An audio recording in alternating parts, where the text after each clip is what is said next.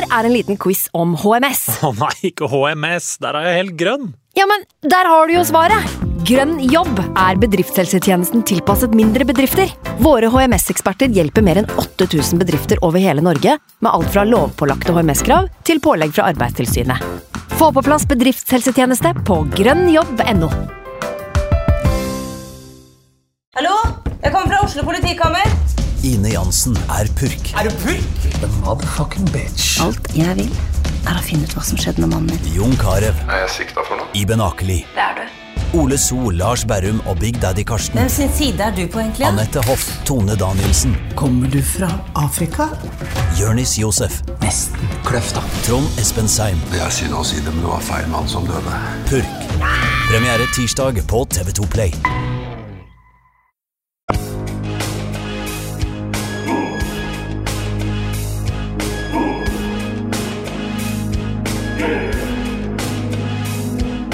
60 in the 60 in the 60 in the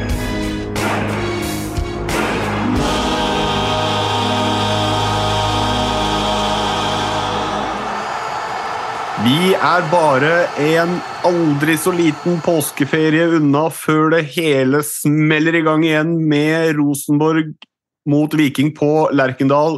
Resten følger like etter. Vi nærmer oss sesongstart 2023 i Eliteserien, og herregud hvor gøy det skal bli. Så vi eh, skal i dag selvfølgelig eh, ha en build-up. Vi deler det i to. Vi skal gjennom eh, hvert eneste lag, hvordan det har sett ut i preseason, hva som har skjedd av eh, nevneverdige ting på overgangsmarkedet, og trekke frem litt spillere man skal følge litt ekstra med på osv., og, så og avslutte med den 69. manns tabelltips for sesongen. Vi kommer litt nærmere inn på hvordan det fungerer, men eh, det er konseptet. Det kommer da som sagt i to episoder, så dette er da del én av den 69. manns build-up. Jeg sitter selvfølgelig ikke alene. Jeg sitter med Jonas og Frank. Halla, karer. Hei, hei. Hallo, hallo. Hvordan, eh, hvordan går det? Jonas ser sletten ut. Um, tung dag. Veldig, veldig, veldig tung dag. Men uh, ekstremt artig i går, kan jeg si da. Mm. Men uh, det var verdt det. Det da. Uh, tung dag, men det ble bra med pod. Det var skikkelig bakstart ja, skikkelig. Jeg kan, jo, si hva som var bra i går. da. Eh, vi, eh, jeg fikk jo streng beskjed fra klubben om å ikke si noe om det her i podkasten. det må jeg jo gjøre. For, eh, vi hadde jo eh, teambuilding i Sandefjord ballklubb i går. Eh, uten ball. Så vi møttes klokka ni på morgenen. Delt opp i lag. Jeg fikk uh, fire lagkamerater, og vi skulle ja, løse en del uh, oppgaver. Da. De som har sett Sportsløpet på VGTV, skjønner jo hva det er snakk om. Og da, jo sykere ting vi gjør, jo mer poeng får vi. Så vi starta dagen med å skru ned postkassa til en som jobber i klubben. Det ble det litt bråk av. Eh, Men den postkassa måtte jo vi gå med hele dagen. Så dro han ene til eh, en fyr og fikk låne en telefon, for de måtte jo levere inn i går. Men vi gikk med pad, da, som vi skulle dokumentere alt vi gjorde med. Med bilder og video. Og så fikk han ringt på kona si, som kjørte oss til Tønsberg. Der skulle vi ta selfie med kona til han som har laga eh, laga oppgavene. Og Hun jobber jo på røntgen der, så vi sto jo i venterommet og tok selfie. Men det fikk jo 1000, det fikk jo 1000 poeng for, det var maksimalt. Og um, det var, vi var jo eneste som klarte det. Vi fikk òg 1000 poeng for å kjøre motorbåt med jente på, som var 18 pluss. Det takka jo hun nei til, da, men det fikk vi gjort senere. Eh, altså, vi, vi gjorde ganske mye sykt. Jeg sitter jo her skinna. Jeg har tattoo på anken hvor det står SB-gutt. Um, eh, eh, ene oppgaven så var det at man skulle bæsje på brystet til en lagkamerat. Tre av fire lag gjennomførte den. Ja, men jeg tror vi går videre da, jeg, Jonas. Bare lar det være med det, så trenger vi ikke å vite hvilket lag du er på. Jeg må poengtere at jeg var ikke med på det, men laget mitt gjorde det. Så Mm. Johan Gulliksen, jeg skulle ikke nevne navnet ditt, men du er en hedersmann. Ja, det, det, det er, du trenger ikke noe bedre intro enn det, Frank. Vi bare går rett til deg. Du, du topper den, eller? Ja, altså, det høres ut som en vanlig torsdag i Bodø der. Så Ja. ikke noe å skryte av, Jonas. Nei, nei, nei. Jeg skal holde kjeft, da.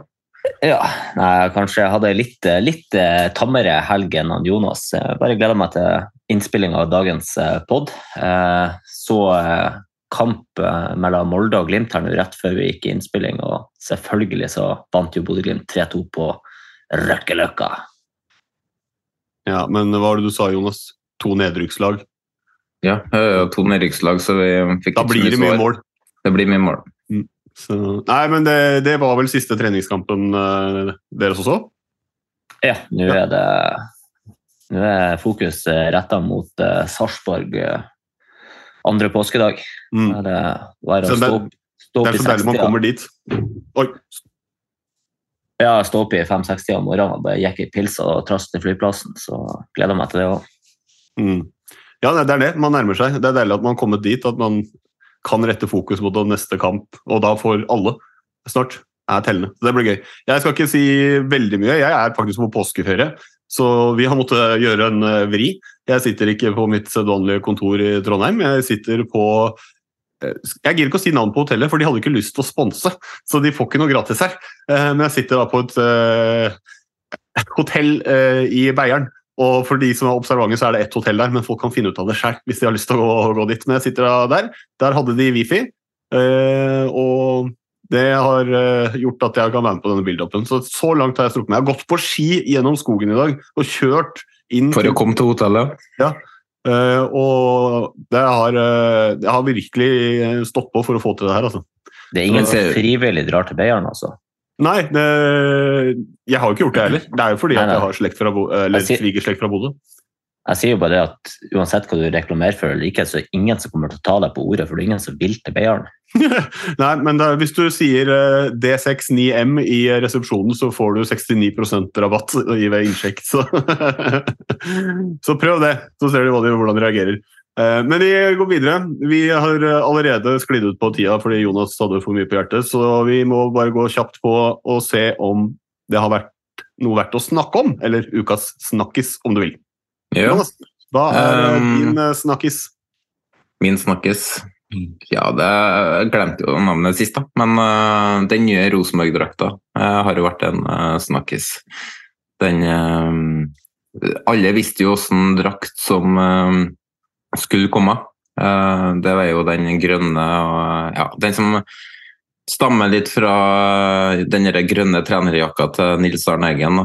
Så alle visste jo at det kom til å bli andre drakt i år. Eh, men det var måten den ble lagt fram på, da, med video og Mm. Så um, rett og slett um, emosjonelt for uh, Rosenborg-supportere. Men den drakta er knallfin, sånn rett fra, et, fra mitt det, da, sånn nøytralt perspektiv. Jeg syns den er knallfin, for den, den betyr noe. men eh, Den vekker jo ikke noen følelser i meg, men uh, jeg ser den derre Jeg ser drakta som den treningsjakka, og det jeg syns det er et kult konsept. da. Og så er det kult at man ikke svir av den hvert år, uh, men at det har blitt en litt sånn spesiell eh, drakt. Så um, absolutt en uh, stor kandidat til årets eh, bortedrakt, for min del. Jeg syns også det er jævlig kult av Rosenborg å gjøre det her nå, ca. ett år etter at han Eggen gikk bort, så har de denne drakta klar til. Mm. Som en heder til uh, kanskje den største klubbtreneren vi har hatt i Norge noensinne. Nei, denne drakta er fin. Jeg skjønner jo at det ble en snakkis. Det er kanskje en størst snakkis i Rosenborg-miljøet, men det er jo ganske stort, da. Så det blir jo en stor snakkis. Ja. Mm. Men jeg ser jo flere, det er flere som også har lagt merke til det, så det har jo gått utover Trøndelag også. Det ser man jo godt. Ja, det har det. Eh, Frank? Snakkis for deg? Ja.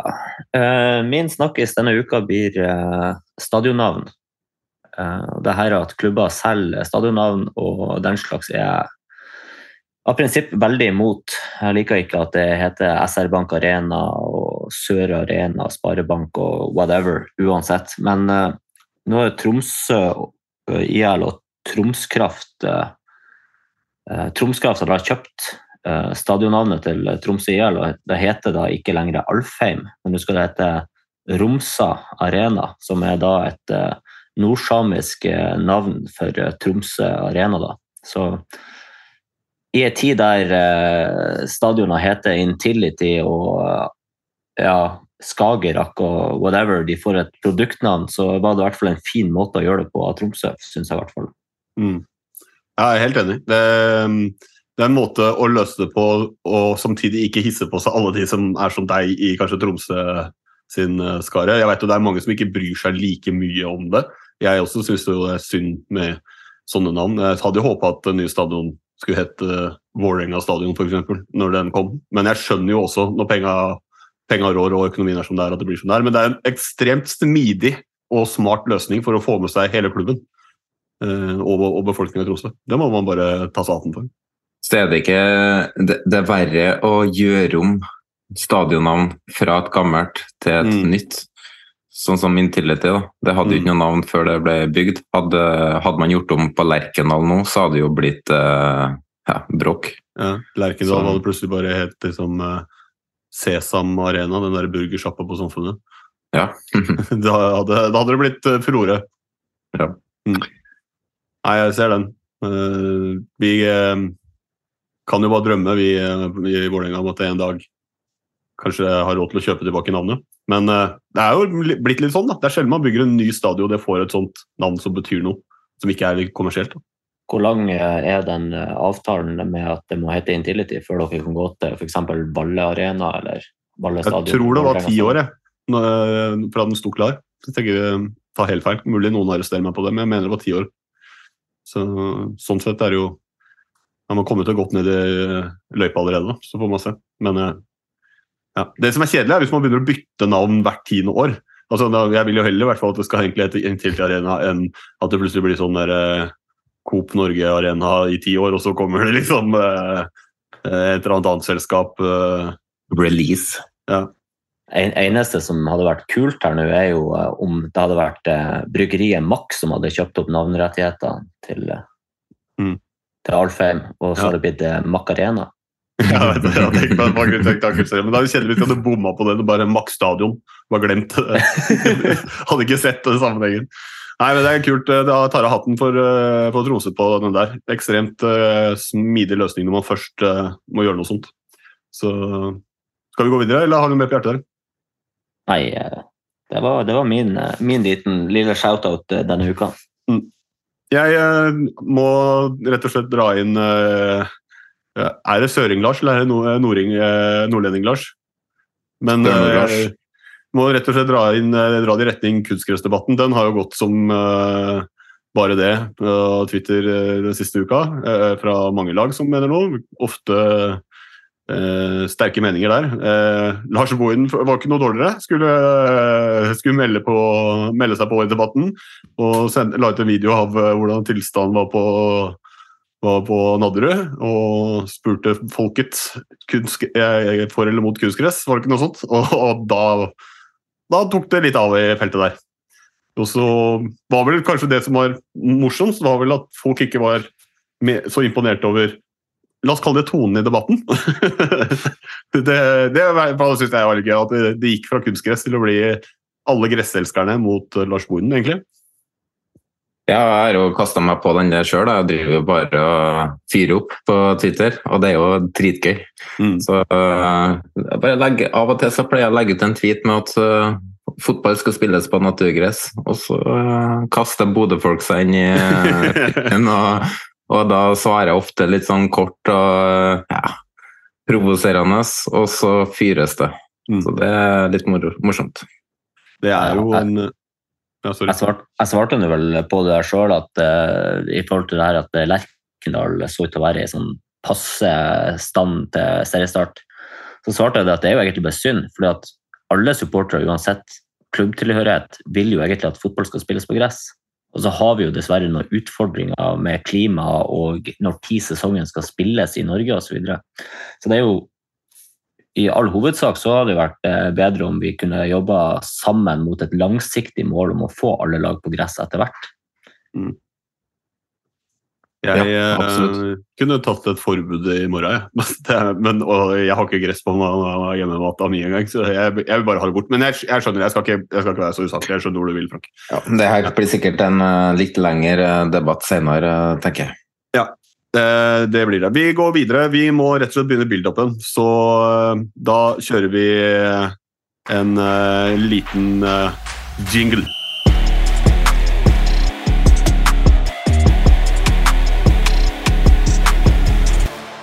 Ok, da har vi kommet til eh, det som de neste to episodene egentlig skal eh, handle desidert mest om, og det er at vi skal gå nøye gjennom alle lag. Eh, Eller så nøye som vi rekker, kan vi vel egentlig si. Eh, Og rett og slett sjekke status eh, og diskutere oss fram til en plassering på tabellen. Jeg skal komme inn på hvordan vi gjør den tabelltipsplasseringa. Men før det så må vi også si at vi har laget et Det er jo påske, så vi har laget et aldri så lite mønster i hvordan vi har valgt å gå gjennom lagene på. Eh, Og det har vi også gjort da til en konkurranse. Så hvis du skjønner hvordan vi har fordelt lagene, rekkefølgen på lagene, så sender du det til oss, og så trekker vi en vinner. Var det greit, eh, gutta? Glemte jeg noe på det? Ja da, og vinneren får jo selvfølgelig en eh, premie. Ja, ja, det er selvfølgelig premie. Ja, ja, Vi sier ikke Eh, hva premien er, det blir overraskelse. Så finn ut hvordan er det vi, hva er rett og slett mønsteret for rekkefølgen på hvordan vi går gjennom hvert eneste lag. Så over til uh, build-upen og tabelltipset. Vi skal forklare det uh, også når vi kommer dit, men skal nevne det at eh, vi begynner med da ett lag, og så plasserer vi egentlig det bare midt på tabellen. Og så, når vi kommer til neste lag, så plasserer vi over eller under. Og sånn fortsetter det til vi har vært gjennom alle lag. Og det skal da gi eh, den 69. manns eh, offisielle tabelltips for 2023-sesongen. Eh, Og da går vi bare rett på. Vi starter med Stabæk. Ja, Stabæk er det som eh, har fått. Um, går litt kort gjennom eh, laget. da. I fjor så kom de på andreplass i Obos-ligaen og rykka opp sammen med Brann. Um, de har styrka seg på overgangsvinduet, fått inn eh, flere sterke navn, bl.a. Kasper Høeg, nummer 69, og Mushaga Bakenga på topp. Nå nylig så har de òg henta inn eh, hentet inn eh, Kevin Cabran fra Viking, som eh, styrker det på kantplass. da. Og Skogård Larsen har kommet inn fra Brann, bl.a. Og ut så er det egentlig ikke så ja, veldig mye eh, De har ikke mista så veldig mye, da. Eh, Men Markus Sandberg er jo ja, keeperen som har forsvunnet, men han, jo, han var jo andrekeeper. Eh, Det har gått ganske bra i treningskampene i vinter. De har eh, fire seire, da mot eh, Bærum, Kjelsås, Mjøndalen og Bryne. De slo ut Molde fra cupen etter straffekonk. Og så har de uavgjort mot eh, Rosenborg og LSK bl.a. Så eh, Stabæk er jo et lag som eh, kan overraske litt. Eh, Nøkkelspilleren til Stabæk det er fort Kasper Høeg. Viktig at han kommer i gang tidlig med skåringa for at eh, klubben skal lykkes. Og one to watch er jo kanskje um, Alexander Andersen, nummer 20. 2005-modell som har imponert eh, i år. Jeg sjekka litt med supporterne. Eh, Robik på Twitter jeg snakka litt med. Litt i overkant optimistisk, så tror faktisk han på topp seks. Men hva tror vi, gutta? Snorre? Mm, ja, topp seks tror jeg nok ikke at vi er riktige ennå. Vi får se hva tabellen sier til slutt. Men uh, jeg uh, har eh, Stabæk som uh, sterkere enn å være i den nederste sumpa, hvis du sier den består av fire lag, f.eks. Per. Jeg mener de ser veldig bra ut til og skulle i hvert fall være trygg på at hvis de leverer som forventa, så skal de nok eh, styre greit unna den aller verste nedrykkstria, tror jeg. Eh, og det som er trikset der også, er jo at Eller ikke trikset nødvendigvis, men det som fort kan skje, er at hvis de får en god start, så kan de plutselig begynne å melde seg på på øvre halvdel òg. Fordi det er såpass jevnt midt på tabellen ofte. Det er kort vei. Det kan være en seier eller, eller to som skiller liksom eh, eh, de der oppe og de der nede når man kommer litt ut i det. Så det, vi får se. Men eh, jeg vil nok kanskje si eh, ja, øverste del av eh, nedre halvdel, kanskje. Noe rundt der. 9., 10., 11. Det er der jeg har magefølelsen min akkurat nå, kanskje. Hva er dine magefølelser rundt Stabæk da, Frank? Nei, jeg, jeg har faktisk eh, god tro på Stabæk i år. Eh, litt basert på det at eh, jeg føler veldig mange lag som er jevngode. Jeg føler at eh, som Snorre sier, så er det eh, det er et sjikte midt på tabellen der det er veldig Det kan være én én trepoenger som skiller åttendeplassen og tolvteplassen. Jeg tror det kommer til å være knalljevnt i forhold til hvor, hvor vi ser lagene til slutt. Men jeg har satt Stabæk midt på tabellen som ganske nøyaktig. Åttende-niendeplass. Det er jo det vi gjør nå. Vi setter inn pottene, og så ser vi hvor, hvor det ender opp på, til slutt. da, Når vi får fletta inn de andre lagene. Jeg, jeg, jeg, tror Nå har vi tulla litt med han, Lars Bohinen og så videre et par episoder, men jeg tror at han har bygd en soliditet i dette laget her som kommer til å gjøre det at de kommer til å plukke med seg mange av de her uh, krigerpoengene, kan du si. Uh, og Det kan være det at de møter et lag som er jevne med dem på tabellen, men de klarer å vinne den kampen 1-0 eller 2-1 for at de klarer å holde imot. For at de har den strukturen i laget som kanskje de litt dårligere lagene sliter med. Mm. Uh, og så har de to stykker på topp, som du nevnte i stad, i Bokenga og Kasper Høeg. Uh, de to kommer til å være avgjørende for hvor Stabæk havner i år. Mm. Får de det til, så kan Stabæk være på den øvre halvdelen. Men jeg tror ikke de blander seg inn i noe toppsjikt akkurat. Men uh, syvende og åttende er jo øvre halvdel, selv om det er nedre øvre, øvre halvdel. Mm. Ja, det, for det er jo alltid liksom ett uh, lag som man kanskje blant en gjengse supporter forventer at det skal være litt lenger ned, som melder seg på i andre halvdelen. Ikke nødvendigvis ta medaljer eller er å snuse på medaljer, men som overrasker positivt og tar de eh, fem, seks, syv ekstra poengene når vi teller opp til slutt. Eh, og Stabæk kan fort bli en av de, sånn som jeg ser det. Men jeg tror også det er ganske mange lag som vil havne foran til slutt, så derfor så sier jeg liksom øverste del av nedre halvdel. Det er mitt tips. Jonas, har du noe å legge til, du? Nei, Jeg har egentlig ikke mye å legge til. Det blir bare å gjenta det dere har sagt. egentlig. Men da kliner vi de bare rett inn på åttende. Vi kan være litt greie, da, fordi det er jo enten åttende eller åttende eller niende. Så, ja, jeg har lagt det på, lagt det på åttende, så Ja. ser vi. så da er jo sannsynligvis ikke der man eh, ender, men det- man må jo begynne et sted. Men de leder serien da, på åttendeplass akkurat nå. Da går vi videre. Vi må snakke om eh, Brann. Og Brann er det jeg som skal gi dere litt å tygge på med, før vi plasserer de også inn på tabellen. Eh, De har jo virkelig sett solide ut i eh, preseason, og de kommer fra en suveren sesong i Obos i fjor. En suveren seier, førsteplass rett opp, var vel mange runder før også. Eh, ser ut som har tatt med seg både den selvtilliten og bygd videre, ikke minst, på det de drev med i fjor. Eh, allerede klar for en semifinale. Har ikke tapt til nå i preseason, så vidt eh, jeg har fått med meg, og avslutter med en ordentlig overhøvling av eh, Sogndal eh, i dag, 6-0.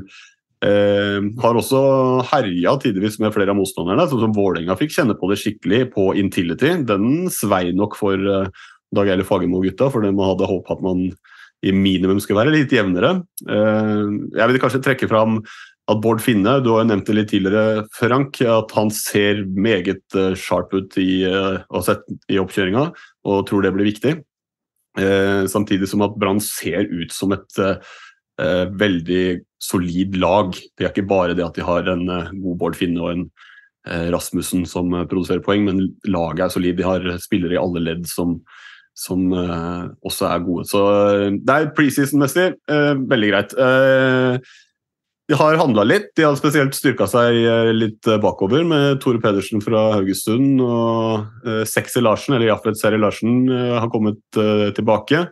Og I tillegg henta Ulrik Mathisen fra Lillestrøm. Og så har de fått tilbake litt sånn De Laveres og Simba sånn fra lån og sånn. Det er jo ikke nødvendigvis at Simba skal spille så mye, men de har vel totalt gjort stallen bedre. Eh, det har forsvunnet noe ut også, eh, men eh, sånn Leikvoll Moberg og Skogvold Larsen, Ole Martin Kolskogen og Kasper Skånes var vel kanskje ikke det som skremmer vannet av de beste forsvarerne og midtbanespillerne sånn i Eliteserien. Så alt i alt så vil jeg si at de kommer kanskje styrka ut. Andre kan jo være enig eller uenig i det, men nøkkelspiller Mathias Rasmussen vil jeg trekke fram der. Eh, hadde i fjor 15 mål på 28 Obos-kamper fra sin eh, midtbaneposisjon. Og det er, det er flere mulige nøkkelspillere eh, i Brann, altså, men er, man, det er vanskelig å komme utenom eh, Rasmussen. Eh, one to watch, der har jeg lyst til å trekke fram eh, Felix Horn Myhre, tidligere Vålerenga-spilleren som forlot Vålerenga for å spille midtbane. Ble plassert på bekken også i eh, nedrykkssesongen, eh, men har kjempa seg inn i eh, den favorittposisjonen, indreløperposisjonen han har sagt og, og mener han er best i, og blir også trukket fram av Stivel Hetle Nilsen som en komplett indreløper. En uh, strålende fotballspiller. Så jeg tror han på mange måter kan få sitt definitive eliteseriegjennombrudd, selv om han har en del eliteseriekamper i beltet allerede. Uh, Supporterståa, der måtte jeg spørre våre tidligere gjester. Uh, Jeg har spurt eh, Sean Røskeland og Knut Høybråten hvor de tenker Brann ligger, og det illustrerer litt eh, det som man kanskje opplever i Bergen, at det er optimisme, men at det er litt sånn delt. Noen tror på medalje, sånn som Knut, mens han er litt mer defensiv og tenker topp seks eh, og en sjetteplass. At det, men at det også er en strålende sesong for, for Brann. Hva tenker Ja. dere? Nei, altså topp seks er jo eh, der de kommer til å ende opp, tror jeg. Og så eh, er vi jo litt eh, spent på hvor vi faktisk setter de hen etterpå, når eh, andre lagene skal inn i tabell. Så vi får se. Men akkurat nå så, er det sånn tredje-fjerdeplass. Det som tar det mot at jeg skal ha sånn kjempetrua på at det skal gå helt opp, da, det er jo at de har jo ikke møtt så mange gode lag til nå. De har møtt lag som de skal slå og bør slå. Og så Vålerenga som uh, møter de jo Vålerenga skal jo da eksperimentere med lavt press, og det ble mye bråk i etterkant osv. Men Mm. uh, for all del, de ser utrolig gode ut, og så er jeg veldig spent på hvor sårbare de kan være når de møter Glimt. Uh, eller Molde, eller hvis Rosenborg får det til å svinge offensivt, hvordan takler de det? For Ruben Kristiansen ser god ut nå som stopper, men hvordan ser han ut som stopper når Brann blir trykt mer tilbake da, og får litt mer press? Ja, de, men de skårer mye mål, da. Eh, vil jeg også trekke fram. At det har vært mye mål i oppkjøringa. Eh, Fem mot Hammarby f.eks., seks mot Sogndal i dag, eh, tre mot Ålesund. Eh, Høvla vel over Sandefjord også i cupen, og samme med FKH. Eh, Mye mål. Eh, Så det er, de kommer til å skåre mye. Mm. Så hvis de får orden på det defensive også, da blir de skumle, tenker jeg. Ja, og i øh, beste fall så kan det her faktisk gå helt til topps òg. Hvis, de hvis de klarer å, å holde den flyten her, så kan jo alt skje. Men um... Hører du det? Hører du den lyden av tapping av gulløl i Bergen fordi du sa det? Nei, hva tenker Ja, ja. du, Frank? Jeg tenker at uh, elveren til Brann er akkurat der han Jonas eh, beskriver dem. Det er et lag, en elver som kan ta gull, men du tar ikke gull med elleve mann. Eh, Brann har kanskje 12-13-14 mann som eh, er god, skikkelig god. Men jeg ser klare svakheter i bredden i troppen, og det tror jeg mange supportere i Bergen gjør. Og hva skjer hvis du får en skade på en Rasmussen eller en Finne? Altså, skal du sette innpå da han, han Heggebø, så er det mange kvalitetssaker ned i forhold til Bård Finne. Mm. Eh, altså, Men har- Bodø-Glimt Ja, vant jo serien omtrent med 11 mann i 2020, da. Omtrent, hvis vi ser enkelt på det. de, vant, vant serien med 14-15 mann, ja. Ja. Det, det gjorde de. Men, eh, men eh, samtidig, da, det var fortsatt eh, folk i bakhånd. Og den serien der var jo veldig spesiell. Det var en komprimert sesong, og ting skjedde veldig kjapt osv. Det, blir- det blir mye fokus på bare kamp, restitusjon, kamp, restitusjon eh, Mm. når du har en sånn kompakt sesong som du hadde i 2020. Mm. Men men jeg, ser, jeg ser klare svakheter i bredden i Brannlaget, samtidig som jeg ser enorm kvalitet i den elveren som kommer til å starte de fleste kamper. og jeg hørte du trekte frem han Horn Myhre, bl.a. Fantastisk spiller nå i oppkjøringa deres. Han kommer til å være ekstremt god for dem. Mm. Eh, David Møller Wolfe på venstrebacken. De har henta inn han Tore Pedersen på høyrebacken. Det er angrepsvillige backer som kommer til å være med og skape mye. og har løpsvilje til å være med fremover. De angriper mange folk. Eh, og så er det som han Jonas sa, at de er, blir litt svakt defensiv da, hvis de eh, blottlegger seg. Ja, Det er jo det vi, som gjenstår å se, da. Eh, Men eh, alle lag som vinner serien er heldige med skader, bortsett fra Molde i 2022, som faktisk hadde mye skader. Mm. Men de, er- de var godt rusta til å takle det, i og med at de har rotert mye fra før. Eh, Brann vil nok neppe tåle mye skader, men er de heldige og unngår eh, skader på spillerne, så kan det her nå langt. Men så må vi jo ta med at hvis de gjør det ekstremt bra på vårsesongen, hvor mange spillere kan forsvinne til sommeren i Og, overgangsvinduet? og, og også, hvis du slenger til, hvis de fortsetter flyten og skulle finne på å vinne cupen, og plutselig må du begynne å planlegge for europakamper fordi det er 2022-cupen eh, som kommer inn i miksen der, eh, det kan jo også være en curveball som snur opp ned på en, en flyt. da.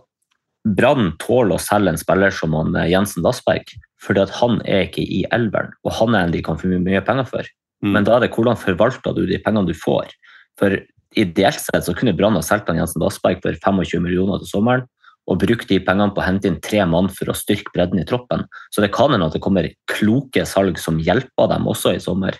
Og jeg tror ikke Bård Finne selges akkurat, for han har vendt tilbake til Bergen for å skape noe der. Eh, han var og prøvde seg utenlands når han dro fra Vålerenga, og vendte ganske raskt hjem. Eh, så det skal ja, det, Man skal aldri si aldri, men jeg tror ikke han er, eh, tenker at han spiller for å spille seg ut i Europa akkurat nå. da. Så Men det en ting til, da, at Brann er jo første laget i historien som kanskje rykker opp med press.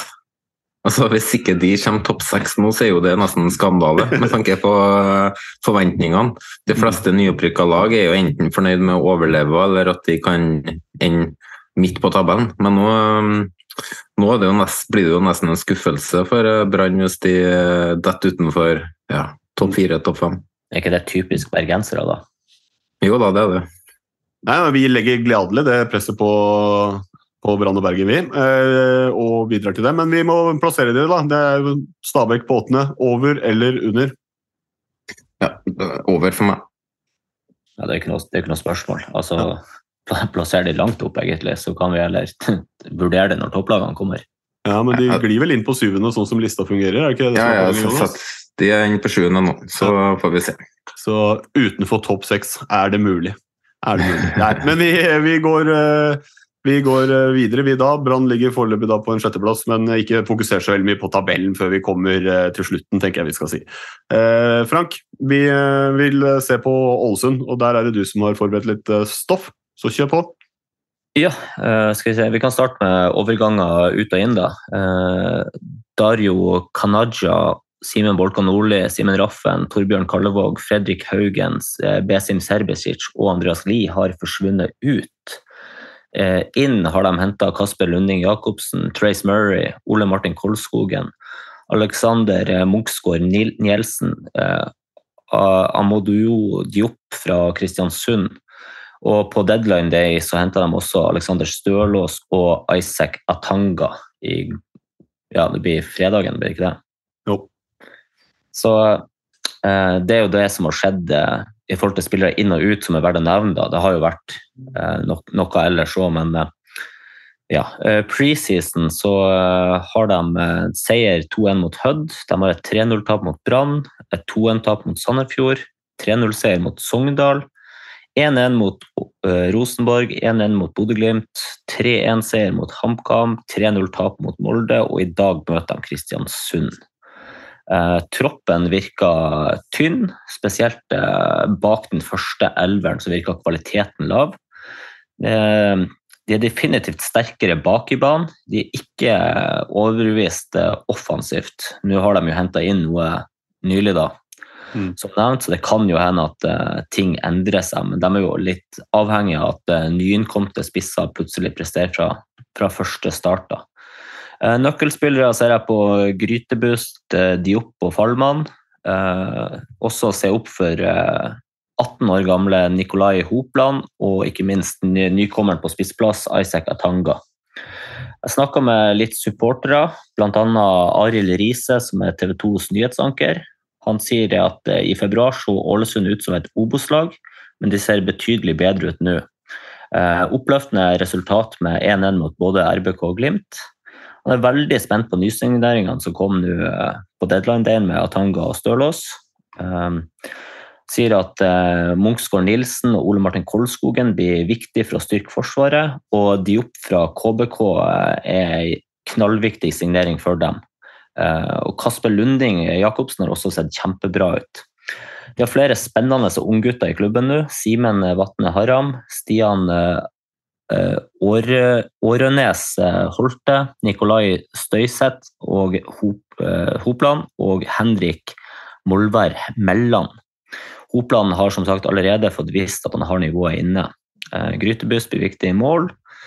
Eh, frykter at laget kommer seint i gang pga. sene signeringer, men at han er optimistisk og tror at laget etter hvert skal få fart og kan ende på alt fra sjette til niendeplass, sier han. Bjørnar Holen sier at Falman Fallmann og Diop i nøkkelspillere og i viktige posisjoner på banen, og at Grytebust kommer til å bli viktig for, eh, for hvor de kan havne. Nevnte Hopland får gjennombruddet, og han håper også at eh, unge Karlsbakk også kan få det. Eh, han nevner også de samme unge spillerne som Arild Riise nevnte. Trekker de frem.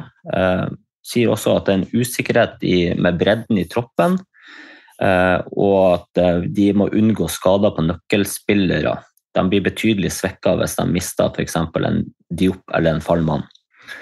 Uh, han føler at laget har vært i god utvikling nå etter å ha starta fryktelig svakt tidlig i vinter.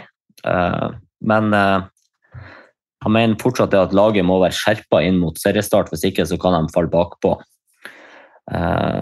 Men han sier også til slutt at han håper å kunne lande på ca. en grei ellevteplass. Uh, Grytebust-fan han sier at nøkkelspillerne blir Grytebust i opp Barmen, og nytkommer Atanga. Viktig å påpeke at klubben må unngå skader på spillere. Nikolai Hopland uh, trekkes også her frem som det store gjennombruddet i år. Han er usikker på den offensive kraften i laget og mener at laget er definitivt bedre bakover. Og han håper at laget kan eh, havne så høyt som en åttendeplass, men eh, i verste fall så kan det bli en ellevte-tolvteplass, sier han. Ja, da var du eh, i mål med det du hadde forberedt? Ja. ja. Jonas, hva tenker du?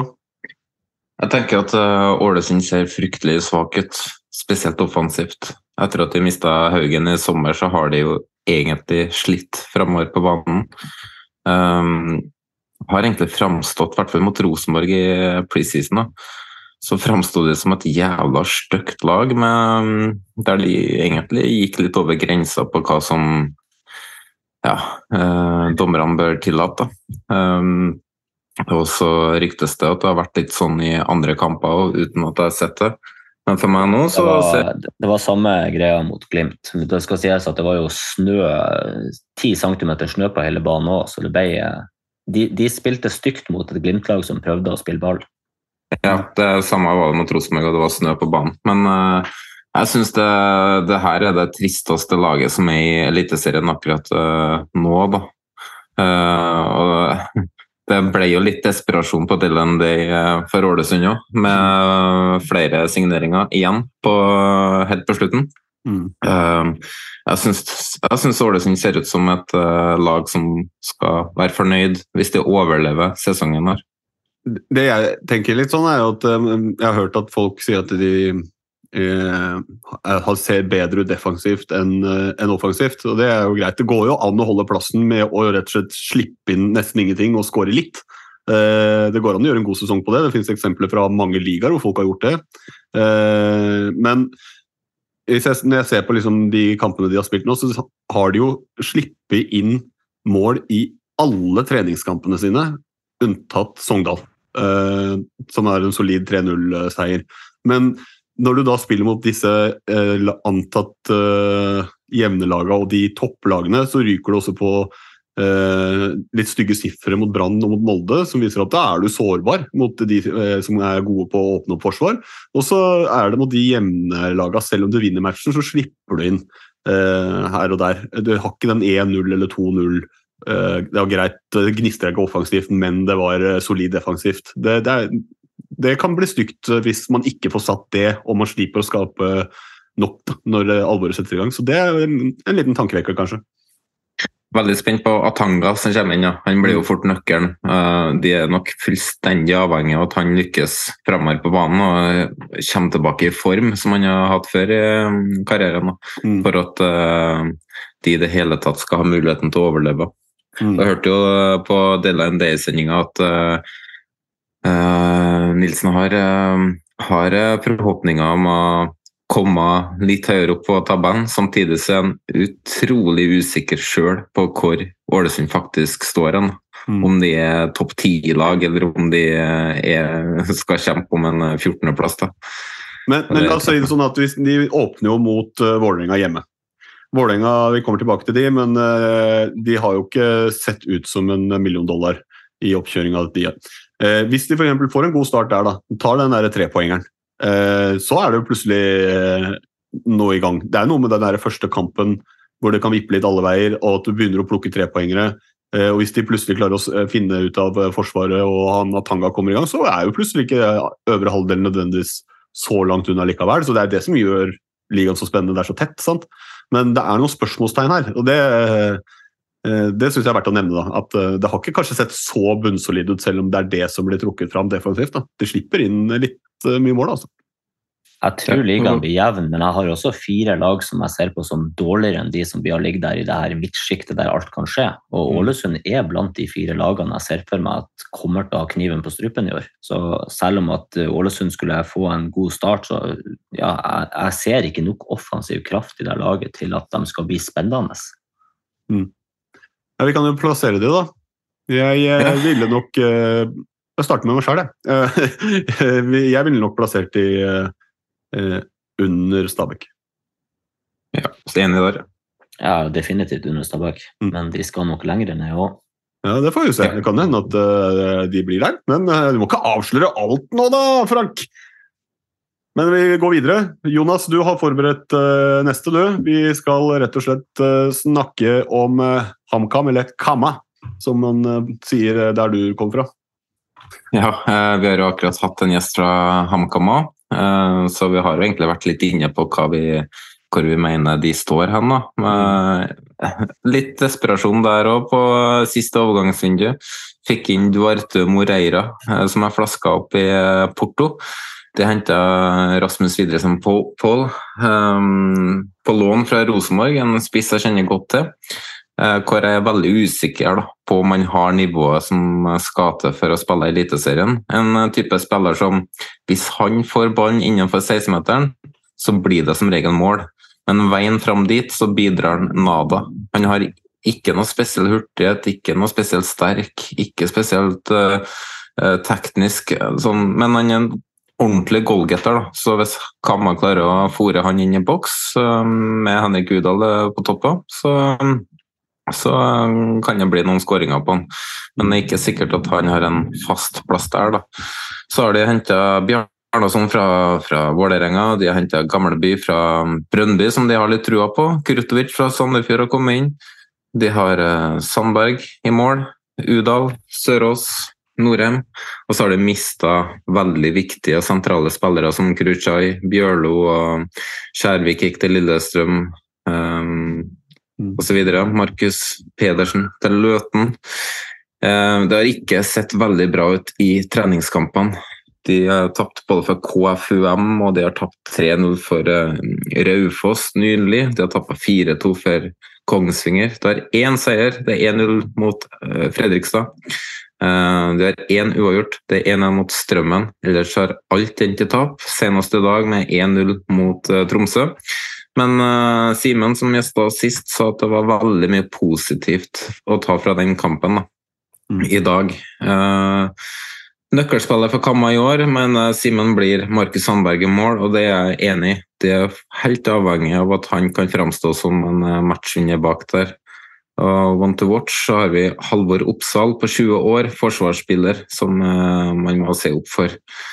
Um, forventningene til Kamma blant supporterne i år er svært lav, men de fleste tror faktisk på at de skal overleve. Da. Mm. Uh, Jeg er veldig Altså For meg så syns jeg Kamma ser ut som det svakeste laget i Eliteserien per nå, og framstår for meg som en soleklar dumpekandidat. Men eh, hva tenker du, Frank? Nei, jeg er for så vidt helt enig med deg. Eh, resultatene i preseason, eh, hvis man skal ta noe ut fra de, så er det det at det her laget her, det, det er for dårlig til å holde seg oppe. Jeg, jeg ville plassert de, sånn som ting ser ut nå, helt nederst. og jeg ser ikke hvordan de skal få orden på det defensive. Jeg ser ikke hvordan de skal skape nok til å vinne kamper. Dessverre, på, på Hamar-gjengen sine vegne, så er jeg veldig pessimistisk. Snorre?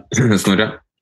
Nei, altså, Det er jo vanskelig å være helt uh, uenig med dere. Vi, som sagt, vi prata jo litt med Simen uh, i forrige episode. Uh, jeg tror håpet deres ligger i at eh, de mellom siste seriekamp og eller treningskamp og første seriekamp får på plass et par, par brikker, så de kan i hvert fall spille jevnt med de som man forventes å kjempe om en plass med. Men øh, jeg tror jo også at øh, hvis man ikke legger for mye vekt i treningskampene, at hvis de får i gang en god link da, mellom øh, Udal og Widerstrøm-Perlen, da, sa jeg det rett? Ja, jeg tror det. Ja. Vi kan vi bare kalle Paul. Paul. Hvis, de får, hvis du får i gang en god link der, da, så Rallepus ble han kalt i Rosenborg. Hva sa du? Rallepus kalte han i Rosenborg. Ja, og Paul på Hamar. Så, Ja. Men eh, hvis de får i gang en god eh, Hvis de finner kjemien da, og får godt samarbeid, eh, så kan det jo det være en nøkkel for dem. med, og som du er inne på med keeper, da. Men det, det ser jo det ser jo vanskelig ut akkurat nå, spesielt med tanke på at de som har ryket ut, var såpass sentrale i det laget etter at Eriksen dro til Molde i fjor. Så har man liksom mista flere viktige brikker. Du har ikke fått bygge videre, du har måttet erstatte. Og det er sjelden eh, bra, spesielt ikke når du skal inn i den vanskelige andre sesongen. Da, da skulle du gjerne ha kunnet bygge videre på, og det har de jo ikke kanskje fått til. da. På samme måte som man mm. De har mista Kurushainu. Det var en av ligaens beste stoppere i fjor. Han, Mm. han alene var soliditeten som holdt det her forsvaret sammen. De har, de har ikke, er ikke i nærheten av å erstatte han med en benkesliter fra Vålerenga. Det- Nei. Jeg tror at eh, de er nødt til nesten, for å ha sjanse til å overleve, at du får et litt sånt lag som Kristiansund, som man tror er solide, og som får en ekstremt dårlig start, og som derfor er der nede hele veien. Eh, fordi hvis du ser på det sånn head to head med de andre lagene rundt der, så er de blant de svakeste på papiret. Men da, hvis de da får den der ene laget som bare eh, som skuffer, og som roter seg selv ned i en nedrykkskamp, så kan det kanskje være det de trenger for å komme seg akkurat på kvalik eller rett over. Da. Men jeg tror, de trenger, jeg, jeg tror de trenger litt glid. da. Litt at noen er dårligere. Da skal vi prøve å plassere det inn på tabellen her. Vi kan jo eh, begynne med Ålesund. Ja. Skal vi ha det over eller under Ålesund? Under. Da, og Snorre ned, eller? Ja, jeg må det. Eh, Ja. si. Enig der. Så da har vi foreløpig Brann, Stabæk, Ålesund og Kamma i den rekkefølgen.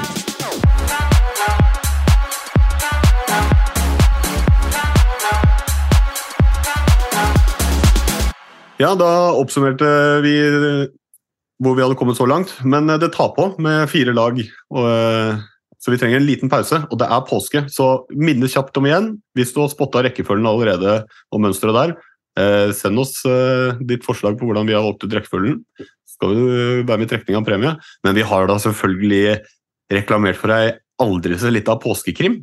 Så vi må nesten eh, kjøre del én av Den 69. manns eh, påskekrim 2023, som vi har valgt å kalle Påskekrim-Jim.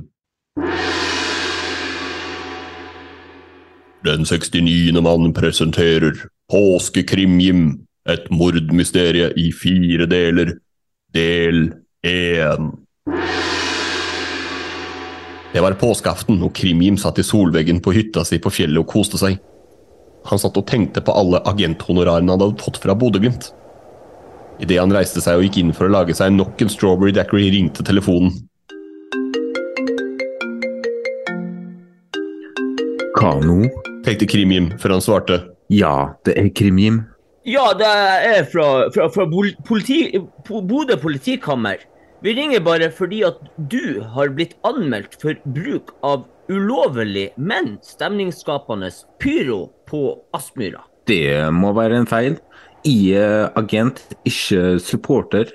Å, å, å ja, beklager det. Da har du noe rent mel i posen. Ikke noe grunn til å gå videre med denne etterforskninga. Krimjim la på og smilte lurt for seg selv, og fortsatte mot kjøkkenet for å lage sin andre daiquiri for dagen.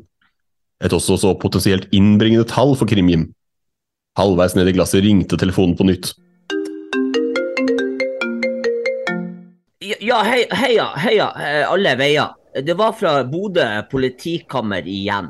Eh, Det har skjedd en grufull hendelse på Aspmyra. Og nei, eh, det er ikke pyro. Eh, Det har skjedd et drap. Et drap? sa Krimim, så overrasket at han gulpet daiquiri på seg selv før han sa Nei, noe så forferdelig. Hvem er det som har blitt drept? Og enda viktigere, hva har det med meg å gjøre? Det, det er helt eh, grufullt. Eh, det er eh, Kjetil Knutsen som er funnet omkommet i spillertunnelen på Aspmyra. Det kan se ut som det har vært håndgemengd, og at Knutsen kom tapende ut. Heldigvis har vi videobevis. Og det kan tyde på at det var en av de du representerer, som er skyldig. Nå, nå er dessverre videobevisene såpass dårlig eh, kvalitet på at det er alt vi vet akkurat nå. Krimim la på i panikk. Mordetterforskning av en av hans klienter, tenkte han. Det er ikke bra for lommeboka. Jeg må finne ut hvem som står bak før eh, Bodø-politiet gjør det, slik at jeg kan eh, hjelpe vedkommende ut av landet så raskt, raskt som mulig. For det var neppe en av de som allerede var i utlandet som sto bak denne bagatellen, tenkte han. Ja, det var da del én av dette mordmysteriet i fire deler. Har du noe peiling på hvem som tok eh, livet av Kjetil Knutsen? Har du funnet ut av det? Husk å sende inn ditt forslag, men jeg vil anbefale å høre de neste tre delene også for å kunne avgi ditt svar. Men er vi klare for å snakke litt mer ball og litt mindre påske, da? Ja, ja, du må jo bare kjøre på videre her.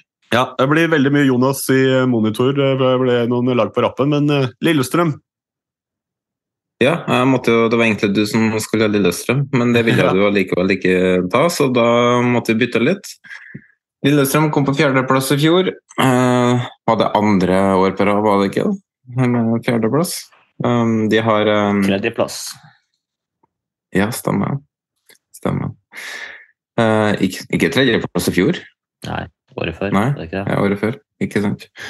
Um, I fjor, De har jo mista litt spillere her, bl.a. Matthew Ogbu, som ja, ganske vanskelig å erstatte. Pål André Helland har uh, lagt opp. Karinen har uh, dratt uh, Sparta Braha. Tom Petterson er ferdig. Fredrik Holst.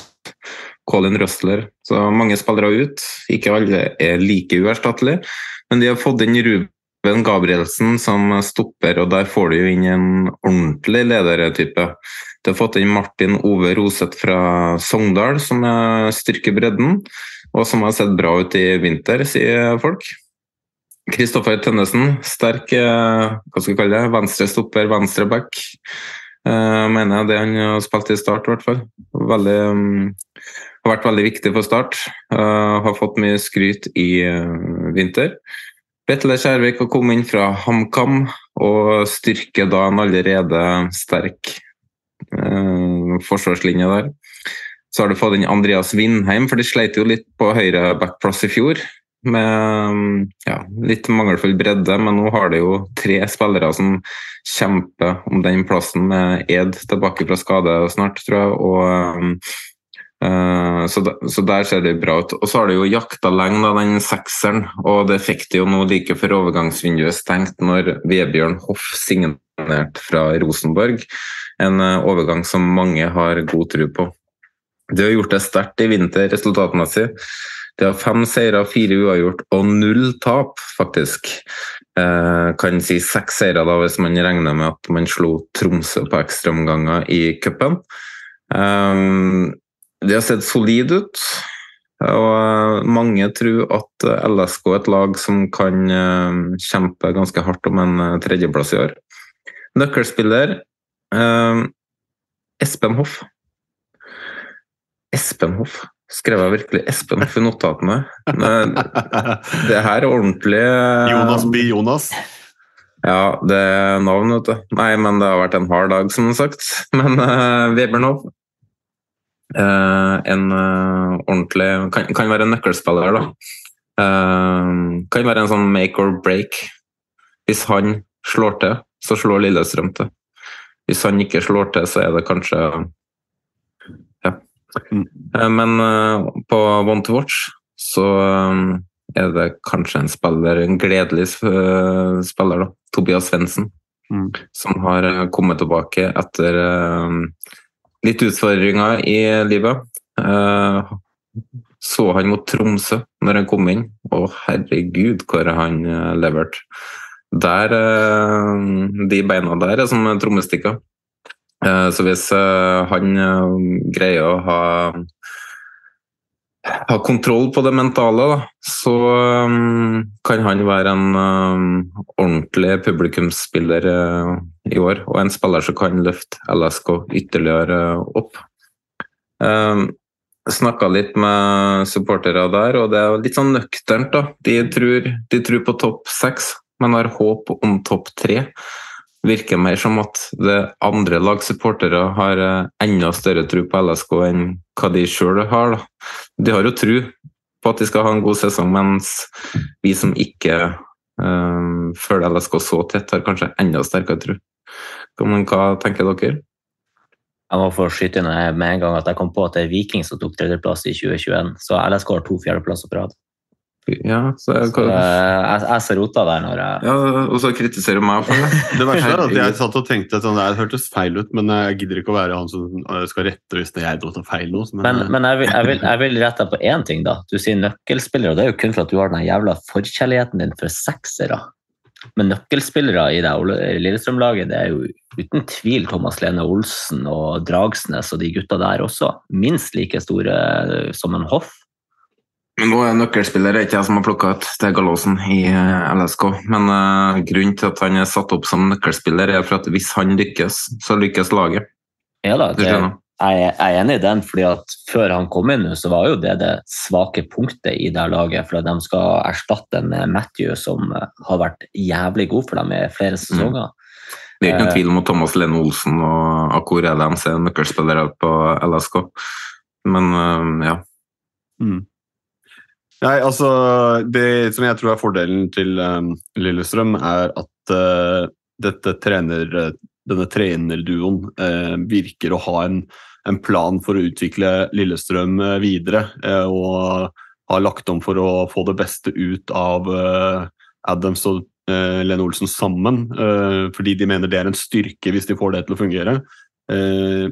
Og de får kontinuitet på trenersida, de kan bygge videre. De har som sagt mist, som du nevnte Jonas, mista et par eh, profiler og et par, eh, par viktige spillere, eh, i, i sentrallinja spesielt. Men de virker å ha hatt en plan og vært forberedt på det. Ruben Gabrielsen kom inn ganske raskt eh, og eh, fikk landa eh, Espen Hoff, som du kaller han, eller Vegard Hoff, som vi andre sier. Men eh, så jeg Vebjørn. ser Vegard Hoff. Vebjørn, ja. Faen, altså. Ja. Jeg blir forvirra av de greiene her. Vi Eh, Hoff, vi. Vi- Vi går til Hoff. Vi holder oss der. skal vi bare kalle han for uh, Ivar Hoff, da. Ivar Hoff. Ja. Men eh, poenget er at de, de ser ut som at de ikke er betydelig svekka. Selv om de har måttet gjøre noen uh, endringer. Men at de kanskje får fremma noen nye eh, styrker eh, som man kan kompensere for det eh, at man har måttet miste noen, noen kvaliteter. Da. At du da får, får en andre. Kan du si at bredden er jo litt styrka da, med, med de som har kommet inn, og at de kanskje um, tåler et tøffere kampprogram og tåler skader. Også Thomas Lene Olsen kom jo inn i sommervinduet i fjor og kom egentlig aldri ordentlig i gang. Da. Og han er jo med fra start, så det blir jo på en måte som en slags forsterkning, det òg. Og så er det jo at de har lagt om eh, formasjonen til 3-5-2.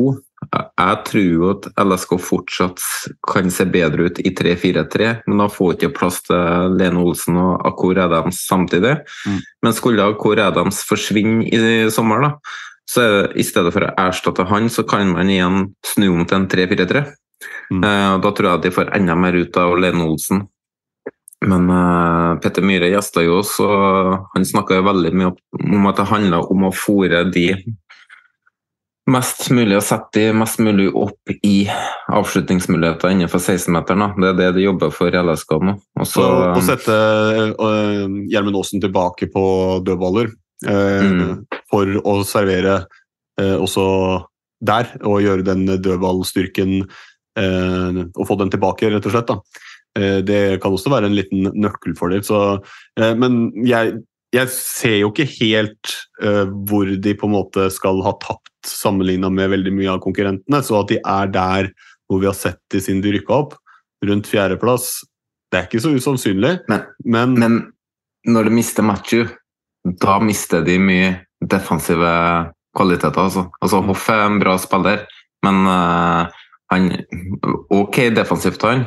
Han er ok med ball. En bra fotballspiller. Eh, men Matthew eh, har de egentlig ikke klart å erstatte på den måten. Men eh, samtidig så er Hoff kanskje enda bedre med ball enn Matthew er. Og så er det Ogbu Men hvil- jo Hvilken hoff prater du om nå? Espen, Vegard eller Ivar? Jeg snakker bare om hoff. Ja, men Matthew og Ogbu er jo to spillere som de lar seg ikke erstatte. De må bare settes inn nye folk i rollen som må løse det på sin måte. Fordi at så mye kvalitet som de to hadde, det blir ikke erstatta på den måten. Du må bare gjøre det litt annerledes. og Det tror jeg jo at han, eh, Petter Myhre og de har uh, forståelse for. Det er jo litt også med det hvorfor de legger om formasjon også, så de får tre stykker inn på midten i stedet for to. Uh, og det tror jeg er litt sånn for å kompensere for akkurat det at de mangler Matthew. Mm. Ja, det, men det, det er jo alltid et spørsmålstegn da, når du legger om og du faktisk skal begynne å spille om eh, poeng. Nå har de jo hatt uh, cupkamp og sånn, da, men uh, eh, hvis det begynner å gå i stå, hva gjør, de, hva gjør de da? Det kan jo være Hvis de ikke får denne maks ut av Adams, Lene Olsen og begynner å gå tilbake og begynner å lefle med det, eller om de velger å stå i den. Må vi få se. Og så er det jo dette at de, de også kan få denne europaplassen. De har sluppet inn litt mer mål nå i vinter. da. De har sluppet inn to mål mot Kamma, de har to baklengs mot Stabæk, de har to baklengs mot Flora Tallinn og Viking. Ett mot Sogndal, eh, to mot Tromsø, ett mot eh, Haugesund, og så slo de jo Odd 2-0. da. Det er jo eneste kampen de faktisk har holdt nullen i. Så, um, men jeg har jo ikke sett så mange av de kampene. Men hvis eh, Adams Men, og Lene Olsen eh, begynner å putte én til to hver, hver match fordi de finner ut av det der, så gjør det jo ikke noe å vinne 4-2 istedenfor 2-0. sant? Nei da, nei, da, men eh, det, det er veldig eh, Hvis du må være avhengig av å skåre tre og fire mål, så kan det jo bli eh, utfordrende. Så de er nødt til å få stramma opp litt mer bakover.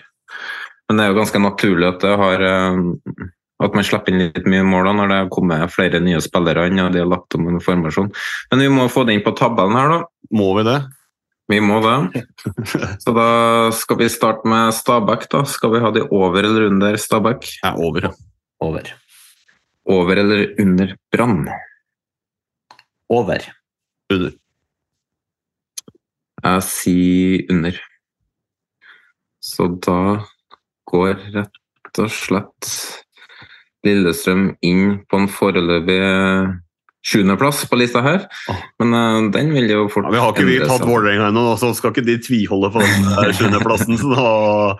Nei, men eh, Det er vel første gang vi er eh, rimelig, eller at vi er delt i panelet, så det er gøy.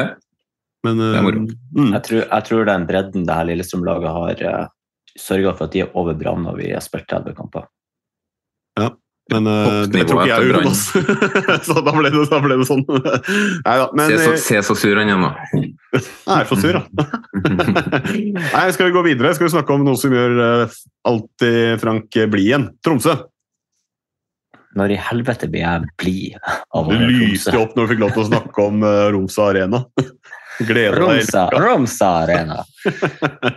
Nei, Vi kan eh, ta en rask gjennomgang av Tromsø. Eh, de har mista de tre viktigste nøkke, nøkkelpersonene sine fra i fjor, altså poengspillerne sine i fjor i Kamanzi, Kitolano og Mikkelsen, samt de har mista litt mer som ikke er verdt å nevne. da. Vi har fått inn Hilmer Raffen Mikkelsson, eh, Tobias Nordby, eh, Winston Paintsil, Vegard Erlien, Jakob Napoleon Romsås, eller Haji Malik Dioff og Mai Traoré på lån på deadline day fra Viking. Så de har fått inn en god del ungt og uprøvd da. Eh, Preseason har de eh, spilt uavgjort mot Rosenborg, de har tapt mot Göteborg, HJK, spilt uavgjort mot eh, KFUM, seier mot Haugesund. De gikk til straffekonk mot Start og gikk, tok seg videre der. De eh, tapte i ekstraomganger mot eh, Lillestrøm, og eh, i dag har de vunnet over HamKam. Nøkkelspillere på dette Tromsø-laget. Det er umulig å gå utenom Haugård i mål og Yttergård Jensen på den balanserende midtbanen. Spillere å se opp for i år har jeg skrevet ned Maitra Aure, Vegard Erlien og Paintsil. Eh, Snakka med et par supportere i Tromsø. Ulf Jonny Jensen sier han er meget spent på hvor eh, Tromsø står i år etter å ha solgt det meste av målpoeng fra fjoråret. Sier at Felix Winther har sett veldig fin ut på indreløperen i vinter. Han håper også Runar Norheim kan få sitt store gjennombrudd. Han ser på Vegard Erlien som en meget spennende spiller, og blir viktig å ha i form på midten ved sida av Ruben Yttergård Jensen og Zakarias Oppsal. Han sier at mønsteret i spillet er å kjenne igjen fra tidligere år. Han tror, at, han tror derimot at wingbackene kan få en enda mer offensiv rolle og vil bidra til enda flere assist. Uh, Paintsil beskriver han som den nye Kamanzi, en spiller som tør å utfordre én mot én med høy fart og god teknikk.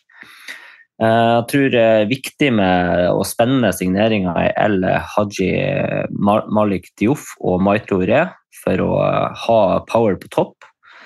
Eh, Veldig usikker på det defensive. Han sier at han må, de må få tilbake en spiller som Øyvand skadefri og holde han skadefri. De sier han, han sier han eh, Haugård blir nøkkelspiller. Eh, Da han ser på han som en av de beste keeperne i ligaen.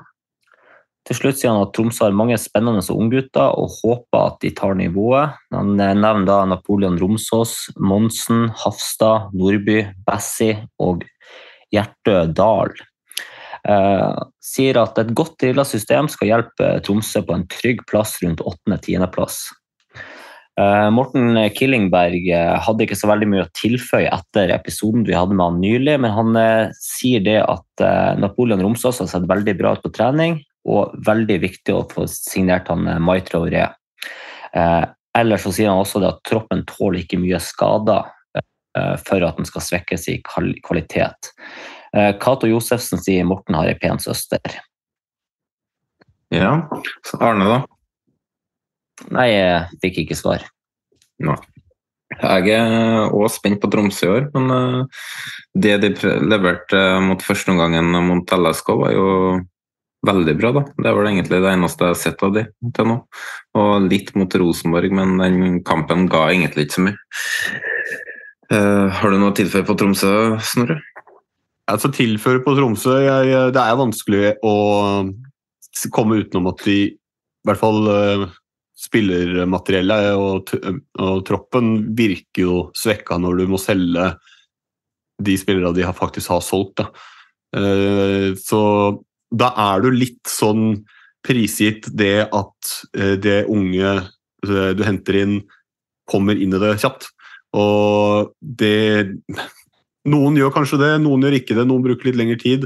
Jeg tror at nå har de vært på en litt sånn oppadgående kurve eh, en liten stund. Jeg tror dette blir en langt tøffere sesong. Om det er helt der til å være nedrykk, det tror jeg kanskje ikke, men eh, ja, nei, jeg, jeg, jeg tror nok de de skulle ha beholdt eh, en eller to av de eh, gutta de har eh, hadde i stammen i fjor, for å kunne bygd videre og kanskje sett oppover. Uh, Så jeg tror nok det blir kanskje et steg tilbake før de eventuelt kan ta nye steg frem. Da. Det er jo et Gaute-lag, det her, Gaute Helstrup, og um, de vil jo utvikle seg utover. Det er jo et lag som hele tida som har sin identitet, og som hele tida vil eh, ta steg. Spørsmålet er jo om de kan ende så langt bak på starten at man eh, begynner å få litt mer desperasjon i spillet sitt, og at det kan påvirke måten de spiller på. da. Men eh, skal vi bare prøve å plassere det inn eh, på tabellen med en gang, eller? Ja, jeg tror kanskje det. Da begynner vi med Stabæk. da, Snorre. Skal vi ha det over eller under?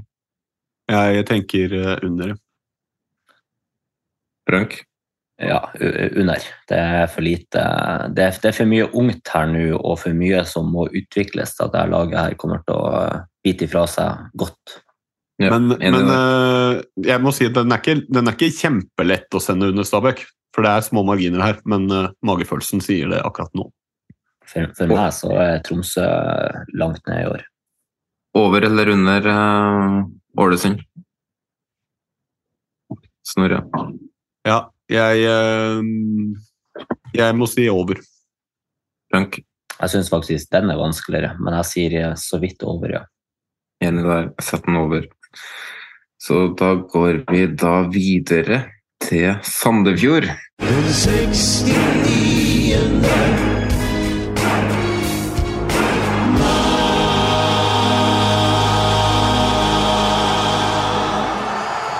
Vi skal snakke om Sandefjord, og Sandefjord er et lag vi har faktisk snakka en del om i podkasten her. For allerede i første episode så var jo vi tidlig med å snakke de kraftig ned, da. Eh, Vi hadde jo de som soleklar eh, nedrykkskandidat, etter at mange, mange spillere har gått ut av klubben.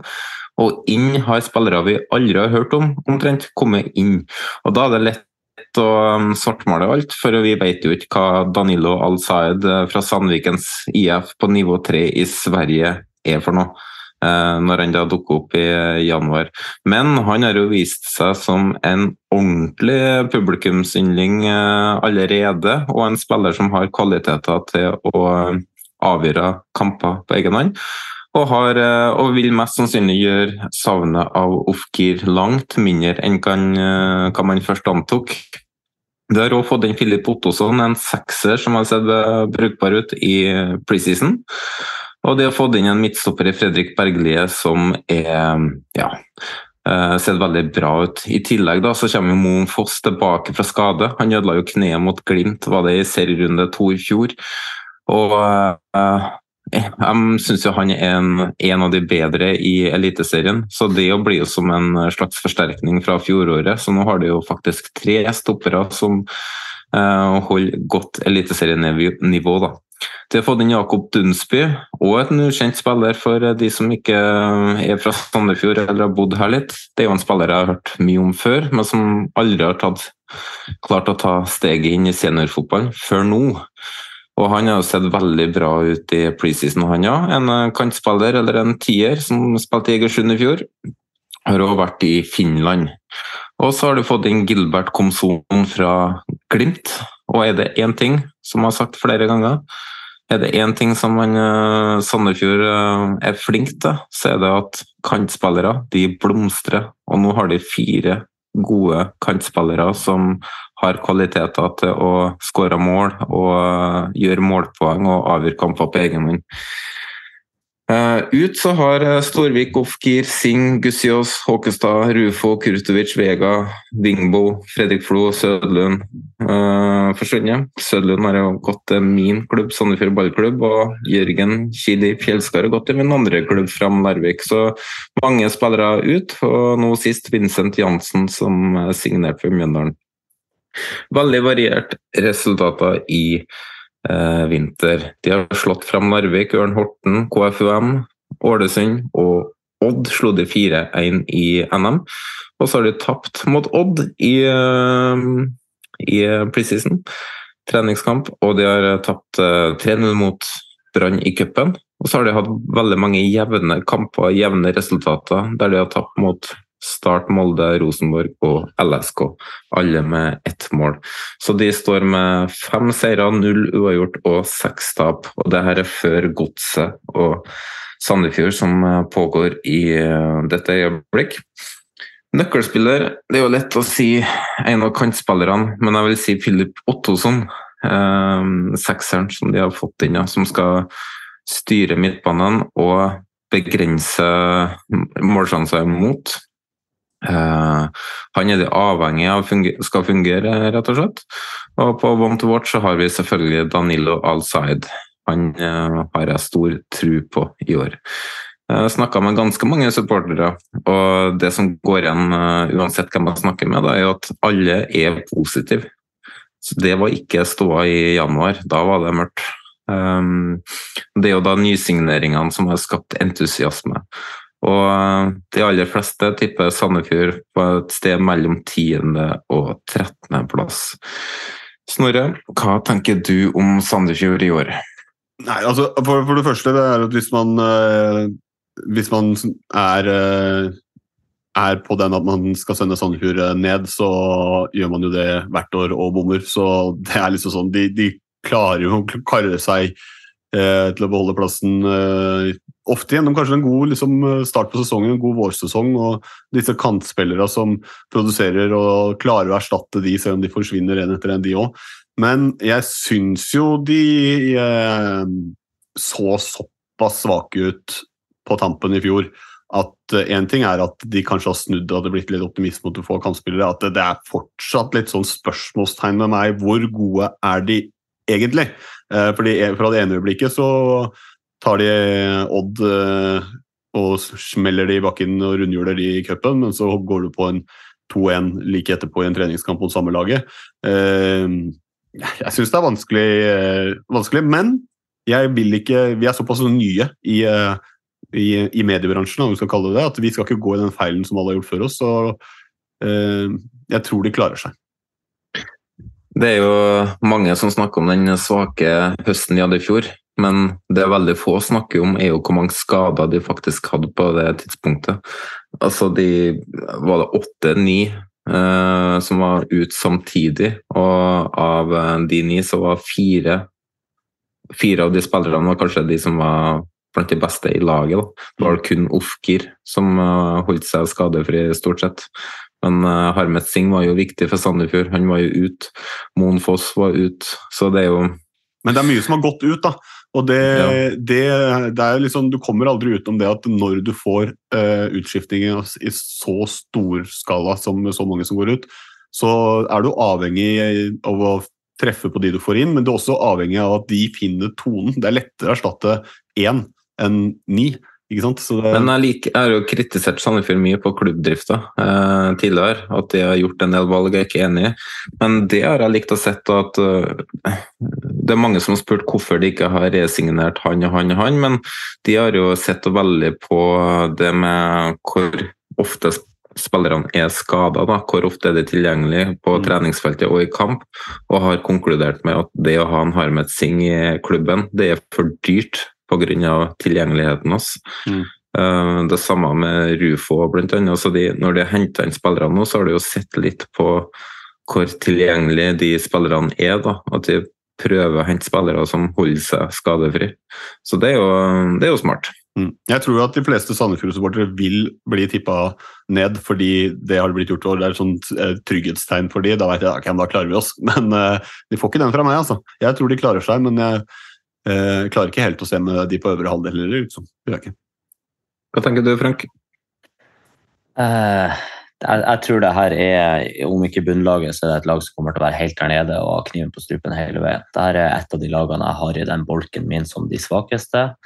Og som Snorre sier, at ja, plutselig ser de kjempegode ut mot Odd i én kamp, men jeg, jeg tror trenerteamet i denne klubben her mangler kynismen som kreves når det står på som verst. De fikk en god start i fjor, og det var så vidt de berga ræva si fordi det var to lag som var bitte litt dårligere. De kommer til en kvalik, og så ja, de får gjort jobben der i en kvalik mot et lag, lag som holder Obos-nivå. Jeg tror det her fort kan bli nedrykksåret for dem, og jeg tror det kommer på det at folk kommer til å tippe dem over nedrykksplass, og så rykker de ned. Som er mm. motsatt av det som har skjedd i tidligere årene. Så jeg tror de mangler kynismen som f.eks. et Ålesund-lag eh, har. Hans Arne, som Rekdal sier, mangler ja. kynismen. Ja, jeg, jeg, jeg, tror rett og slett det står på det at de, eh, de, blir, de blir, sikkert satt sånn for dum i kamper der de kan ri inn ett poeng, så taper de plutselig det poenget i siste ti minuttene fordi at de ikke skjønner at de skal forsvare det ene poenget, i stedet for så går de for tre.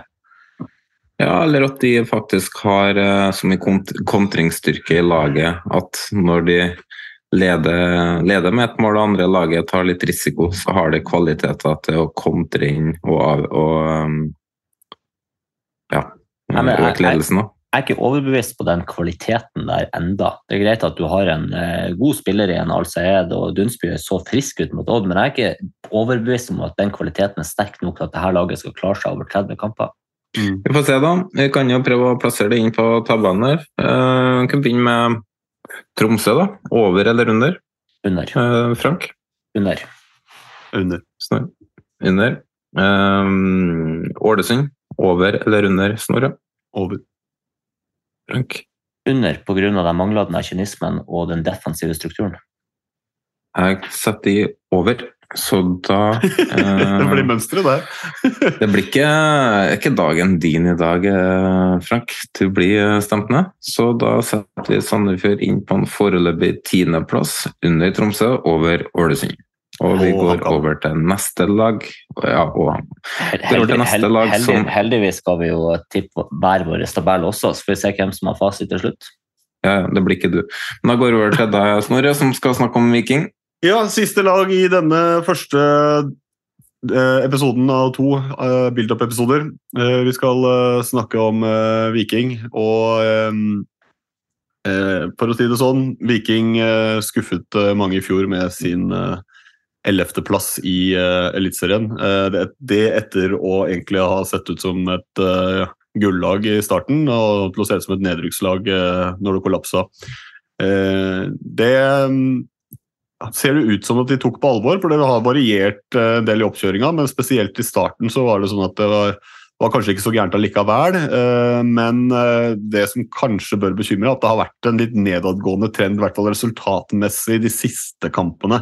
Spesielt etter eh, cupkampen mot eh, Rosenborg. De har faktisk bare vunnet to av treningskampene i, skri altså i skrivende stund. Jeg vet ikke hvordan det foregår akkurat nå, det kan jo en av dere sjekke. Men det er bare to av de treningskampene jeg har vunnet, i tillegg til denne Rosenborg-kampen. Men hvis du tar og ser på da etter Rosenborg-kampen, så er det faktisk eh, eh, eh, tap mot Jerv. Det ble ut av cupen mot Bodø-Glimt. De var jo gode mot Bodø-Glimt en stund, men så var det, det 10-15 eh, sinnssyke minutter, og så er man ute. Eh, ja, eh, du ser også på supporterne at eh, de Ja, Frank? Hvis du vil ha resultatet mot Haugesund, så er kampen ferdig, og det ble 1-1. Ja, så Da unngikk de i hvert fall tap, men de fikk ikke den eh, tredje treningskampseieren, da, som kanskje hadde vært fint for selvtilliten. Men eh, det har variert, og du, man ser det også på eh, supporterengasjementet. Hvis man bare hopper rett til det. eh, Jeg ser jo at folk skriver. Det har vært veldig sånn bipolart, det man ser folk skrive. Men vi, jeg måtte spørre vår, vår eh, aller første, vår kjære første Rune eh, Edvardsen, og han tipper Viking på en eh, tiendeplass. Men han sier også at hvis småting faller på plass, så kan man havne høyere. Så det er jo en liten forbedring plasseringsmessig fra i fjor, han tipper, men det er ikke superoptimistisk, akkurat det tipset heller. Så De har jo handla litt, så det kan være greit å nevne i hvert fall eh, de viktigste der. Eh, Dro inn Birke Bjarnason eh, på overgangsvinduets siste dag. Det er jo rutine. Sannsynligvis en god spiller for de det. At de fikk lande Lars, Jør eh, Lars Jørgen Salvesen tror jeg også er viktig, sammen med Niklas eh, Diagostino. Det tror jeg kan bli helt avgjørende for Viking, kanskje. At de får, får det spissparet der til å fungere eh, optimalt. Eh, noe har gått ut. eh, ikke så mye å skrive hjem om der. De har lånt ut Tra Traoré, og Karlsbakk ble jo solgt for en eh, gigantsum, eh, som hadde knapt nok eliteserieminutter. Men jeg ser noen reagerer på Kevin Cabran. da. Eh, han har ikke helt fått det til i, eh, i Viking, men at det fortsatt var en spiller som kunne sette inn på, som kunne skape noe.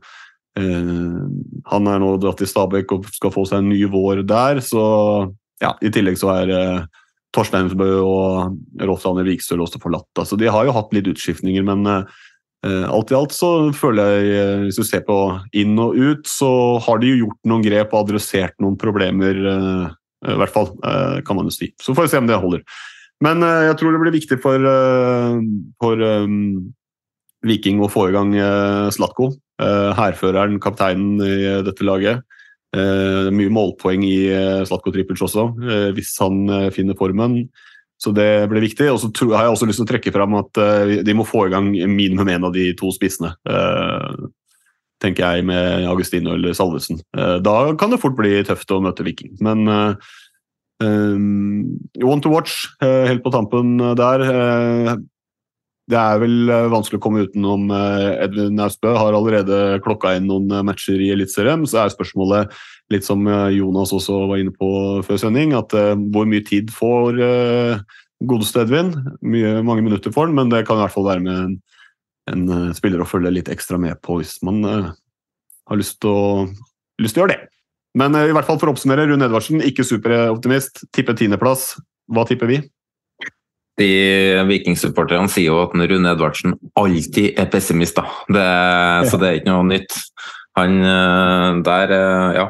Men eh, det er en spiller jeg har lyst til å nevne her som jeg har, tror kan være en nøkkel, da, og det er jo Jarsbekk.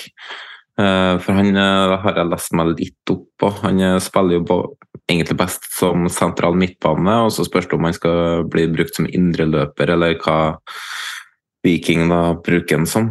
Eh, Men eh, hvis han, har kvaliteter, hvis han tar nivået fort, så blir det veldig spennende. Men Viking er et lag som kanskje vil variere mest i forhold til hva folk tror og hva de kan klare. For de kan eh, ta alt fra en tredjeplass til og helt ned til tolvte.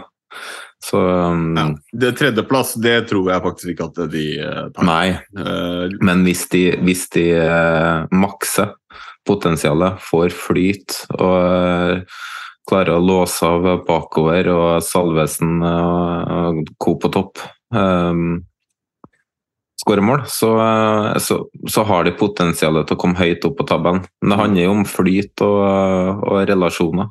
Det, det, det jeg og- tror er litt sånn um, Det som gjør meg litt skeptisk, er at de er greit de slo Rosenborg, og ganske fortjent så, i den cupkampen. Men Rosenborg har ikke akkurat sett ut uh, som uh, den uh, beste målestokken. Da. Og hvis du ser på hva de har gjort etter det, så har det jo ikke vært glitrende. Så det spørs jo om den, den kampen der sier for mye. Eller sier nok i det hele tatt. Viking var jo ikke blendende god før de skåra 1-0. Det var jo en veldig lost kamp, som Rekdal har vært inne på. Det var jo en kamp med få målsjanser og eh, lite fint spill før Viking fikk 1-0. Mm. Eh, For sent at de leda 1-0, for all del, men eh, det var jo ikke noe strålende fotballkamp sånn kvalitetsmessig før, før den tid. Jeg, jeg tror Viking er avhengig av å finne seg sjøl. Jeg tror de er avhengig av å klare å dyrke et system. Spill 4-3-3 hvis dere skal være et 4-3-3-lag, eller spill 3-5-2 hvis dere skal være et 3-5-2-lag. Det har vært for mye vingling i denne klubben der siden ting bøtta imot når Berisha dro. Jeg, tror jo at Viking er best tjent med å spille 4-3-3, for det er det som ligger spillermaterialet deres nærmest. Ergo så har du bare plass til enten Salvesen eller det Agostino på topp. og Da skjønner man også hvorfor en Mai Traoré blir lånt ut, for du trenger kanskje ikke tre spisser i en sånn klubb hvis du har to spisser med såpass mye kvalitet foran tredjemann. Um, jeg, jeg, tror at, eh, at Viking er det her laget som på en måte sitter alene i hjørnet i klasserommet, har ikke noen venner. Det er det laget som skiller seg ut fra alle andre. Det er ikke et topplag, og det er ikke noe bunnlag. Og jeg tror også de har for mye kvalitet og for god krigerinnstilling til å være blant de her som bare ligger midt på tabellen nå. Så for meg så er Viking liksom klink inn på sjetteplass, og det er der de kommer til å havne i mitt hode. Men samtidig så De har jo mye av de samme spillerne som de hadde i fjor, med krigermentalitet og sånn. Det hjalp dem jo ikke nevneverdig når de eh, fikk motgang. Men se hva de har fått inn på topp etter at Berisha dro. da. Nå har de fått Ja. spisser. Det er så viktig for det laget i forhold til eh, hvordan de går med høyt press og eh, står sånn.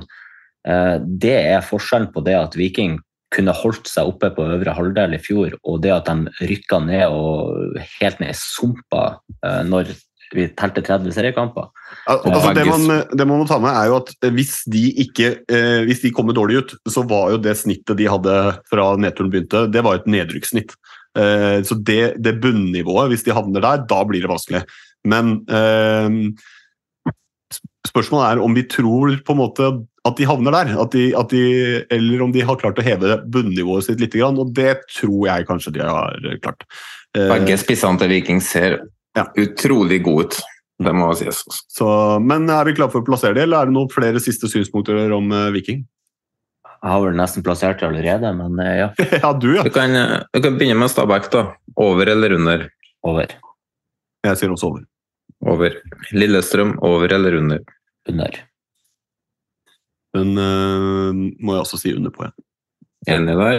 Så da går det inn på en foreløpig åttendeplass bak Brann og Lillestrøm. Oi, men, men, men, men, foran... men, men, men hva, hva, er det jeg hører? Er, hørte dere den gongongen? Ja. Jo. D jo, der hører jeg den.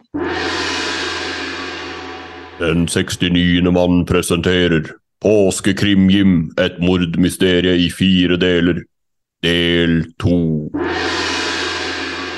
Krimgym hadde hevet seg i bilen og kjørt mot sitt private helikopter. Politimannen hadde bedt han komme til Bodø for å bistå etterforskningen. Det hadde Krimgym takket ja til, for da ville han få tilgang på informasjon han ikke hadde, og dermed kunne løse mysteriet før politiet. Han sa mottoet sitt høyt til seg selv. Det skader ikke å sitte på begge sider av bordet. Mens han kjørte, fikk Krimgym en uggen følelse. Han gikk inn på adressa fra mobilen for å se om det var noen saker om seg selv der. Han var en sånn type person som er på mobilen mens han kjører. Der fikk han se overskriften 'Ole Sæter ønsker seg bort fra Rosenborg', med et sitat fra Sæter som lød Min beste sjanse for å komme meg utenlands er om Bodø-Glimt blir dårlig, så da er det beste om Knutsen forsvant fra Glimt. På helikopterturen klarte ikke Krimium å slutte å tenke tanken på at hans klient Ole kunne stå bak dette. Senere, vel inne på politiskuret i Bodø, skulle politietterforsker Lars Bohin, en ekte nordlending, komme med opplysninger som Krimim benektet kjennskap til på alle mulige måter. Siden videobeviset var såpass uklart, måtte vi etterforske litt.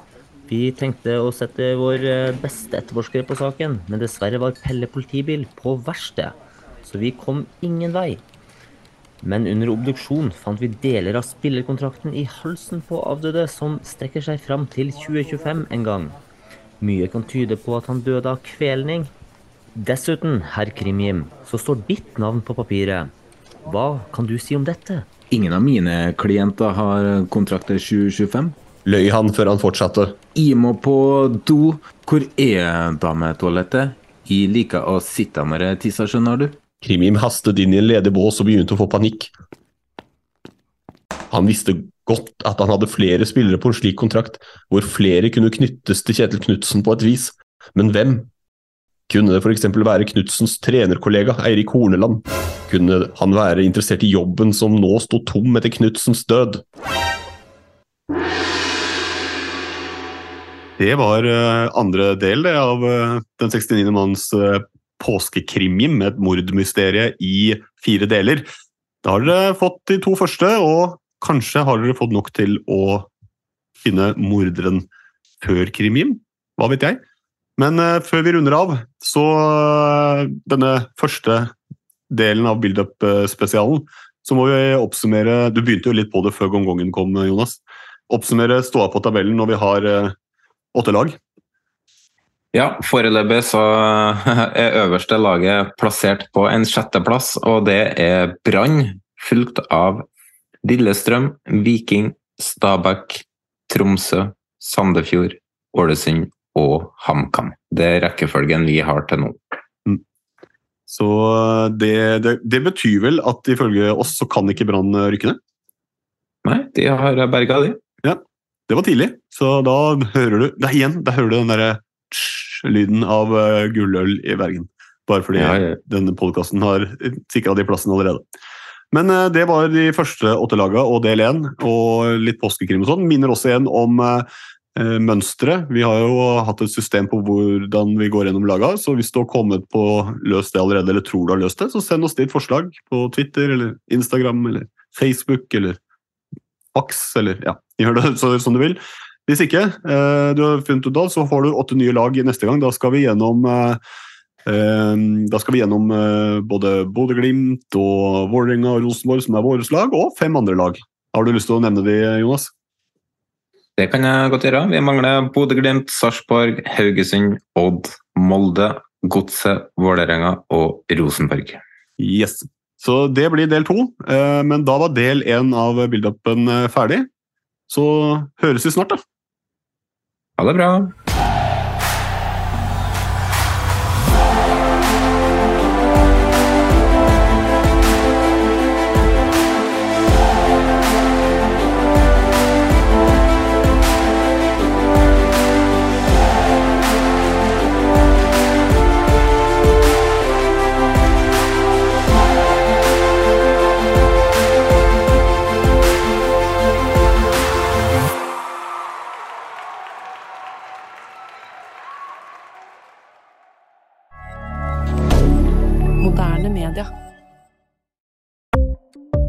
Ukens annonsør er HelloFresh.